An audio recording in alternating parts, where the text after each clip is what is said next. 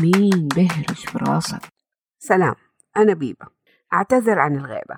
كنت بتوسع في البحث وبشتغل على بعض الأفكار الجديدة. إن شاء الله تحقق لكم الفائدة بشكل أكبر.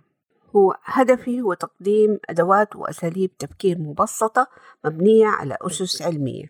تستخدم الخيال وأسلوب الألعاب وتساعد في إدارة الحوار الداخلي وتحسين الصحة الذهنية بخطوات صغيرة. تسمح لكم بتطبيقها في حياتكم اليومية بسهولة لتحسين تفكيركم وبالتالي حياتكم.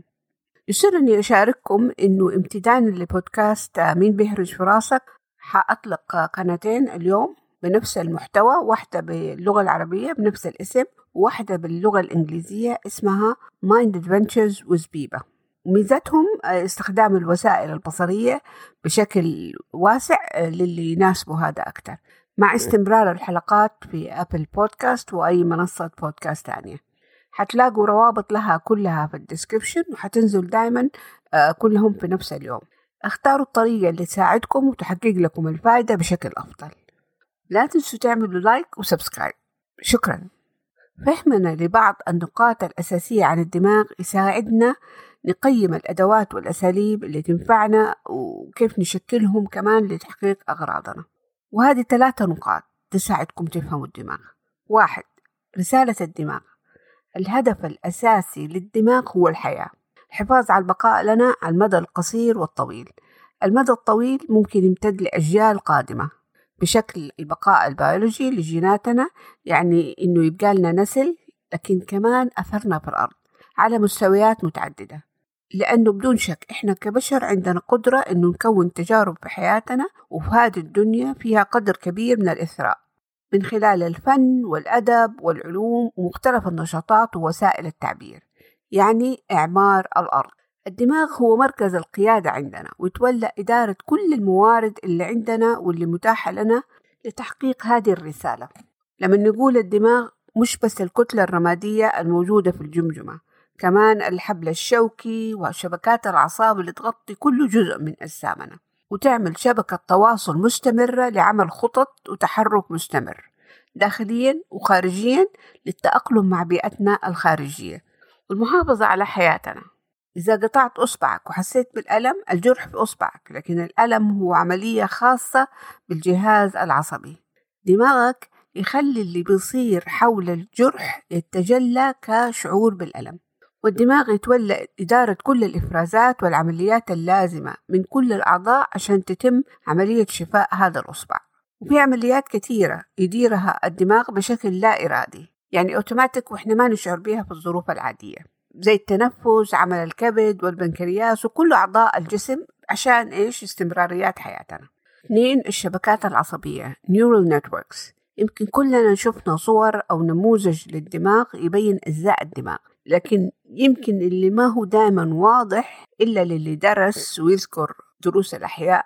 الدماغ والجهاز العصبي عبارة عن شبكة من تريليونات من الخلايا العصبية. هذه الخلايا العصبية neurons بينها فراغات تسمى synapses الخلايا العصبية تفرز أنواع معينة من المواد الكيميائية لهذه الفراغات تسمى neurotransmitters فتشغل نبضات كهربائية. يعني الرسائل بين الخلايا العصبية تمر من neuron للتاني عبر هذه ال synapses بشكل نبضات كهربائية. هذه طريقة التواصل في الشبكة العصبية. تيار مستمر من النبضات الكهربائية في راسنا وفي كل جسمنا. طول عمرنا وشيء مستمر مش بس كرد فعل لمحفز خارجي. طبعا في الأحوال العادية إحنا ما نحس بهذا التيار. لكن مش كل خلية عصبية. neuron تتواصل مباشرة مع كل خلية تانية في جهازنا العصبي. وإلا التكلفة من ناحية استخدام الموارد والتعقيد حيكون مرة عالي بالتالي الدماغ يعمل بشكل شبكات عصبية فرعية متعددة. الدكتورة ليزا فيلدمان بارت البروفيسورة في علم النفس في عدة جامعات عريقة كتبت كتاب اسمه سبعة ونص دروس عن الدماغ. وفيه بتستخدم تشبيه شبكة الطيران العالمية لهذه ال neural network. لما أي طيارة تقلع من أي مطار ما ينفع الطيار يقرر على كيفه أي طريق أو خط ياخده في الجو يعني ولا حتى برج المراقبة لوحدهم. في خطوط طيران محددة متفق عليها عالميا بناء على اتفاقات ثنائية ومتعددة بين البلدان وتشكل شبكة عالمية. شركات الطيران كلها ملتزمة بها مع بعض التعديلات البسيطة حسب ظروف الجو مثلا أو في حالة الطوارئ كل مطارات العالم عادة تكون مسجلة في هذه الشبكة. كل مطار يعطي الأولوية لخدمة المنطقة المحلية.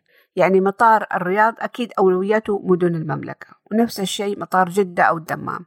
في نفس الوقت كل مطار ممكن يوصل لأي مطار في العالم لكن مش شرط بشكل مباشر وإلا يوصل مستوى التعقيد والتكلفة لحد يخلي الشبكة صعب تشغيلها. في مطارات محورية هبس تعمل كمراكز تواصل. لو كنت تبغي تسافري من أبها في السعودية لمطار أوهير شيكاغو في أمريكا مثلا ما في رحلات مباشرة. لكن حتلاقي شركات طيران مختلفة تعرض عليك عدة خيارات. مع الوقوف ترانزيت مرة أو اثنين. وممكن تختار الخيار اللي يناسبك حسب معايير مختلفة. يمكن التذكرة تكون أرخص في حالة الوقوف أكثر من مرة لكن متعب. ممكن يناسبك الوقوف في النص ولا قريب وبعدين رحلة واحدة طويلة. الطيارات تنقل الناس والبضائع. شبكات الخلايا العصبية تنقل المعلومات. الخلايا العصبية في الدماغ لها تجمعات عاملة زي المطارات. وفي تجمعات محورية من الخلايا العصبية تشكل مراكز تواصل للمعلومات. هذه الهبس تكون متصلة بشكل مكثف مع العديد من الشبكات العصبية الفرعية الثانية. بعض الخلايا العصبية فيها يكون لها أكسون طويلة جدا.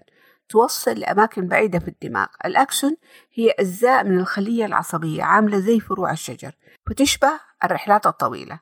تجمعات الخلايا المحورية تشكل عماد التواصل في الدماغ وتخليه قوي جدا بكفاءة عالية لكن صغير compact يكفي في داخل الجمجمة. ثلاثة المرونة العصبية أو تغير الدماغ بالتعلم neuroplasticity بما إنه دماغنا يعمل بشكل شبكات عصبية مش أجزاء جامدة نقدر نفهم ليش إنه قابل للتغيير وهذه النقطة المهمة. أطفال البشر يتولدوا وهم ما يقدروا يتكلموا ولا يمشوا ولا يعملوا أي شيء بنفسهم غير عن فصائل متعددة للحيوانات اللي لكن نعرف إنهم حيتعلموا طالما ما صارت لهم مشكلة صحية معينة. شيء مرة cute إنه الواحد يشوف baby وهو بيحاول يدخل إبهامه في فمه. ينغز خده خشمه حتى عينه ألين ما يوصل للفم. babies بيفضلوا يحاولوا مرات عديدة ألين ما يقدروا يتحكموا. كده يتعلموا. ويعززوا شبكة عصبية خاصة بالتحكم بالأصابع. في وقت من الأوقات كانت الفكرة الشائعة إنه الدماغ صحيح يتغير في الطفولة المبكرة بس بعدين التغير هذا يبطئ جدا ويمكن يوقف. ومعها قدرة الإنسان على التعلم.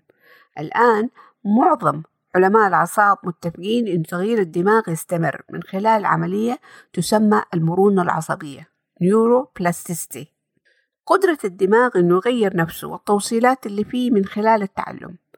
الأدلة بتتزايد من علم الأعصاب مع تطور أدوات التحقق في داخل الدماغ باستخدام أجهزة حديثة.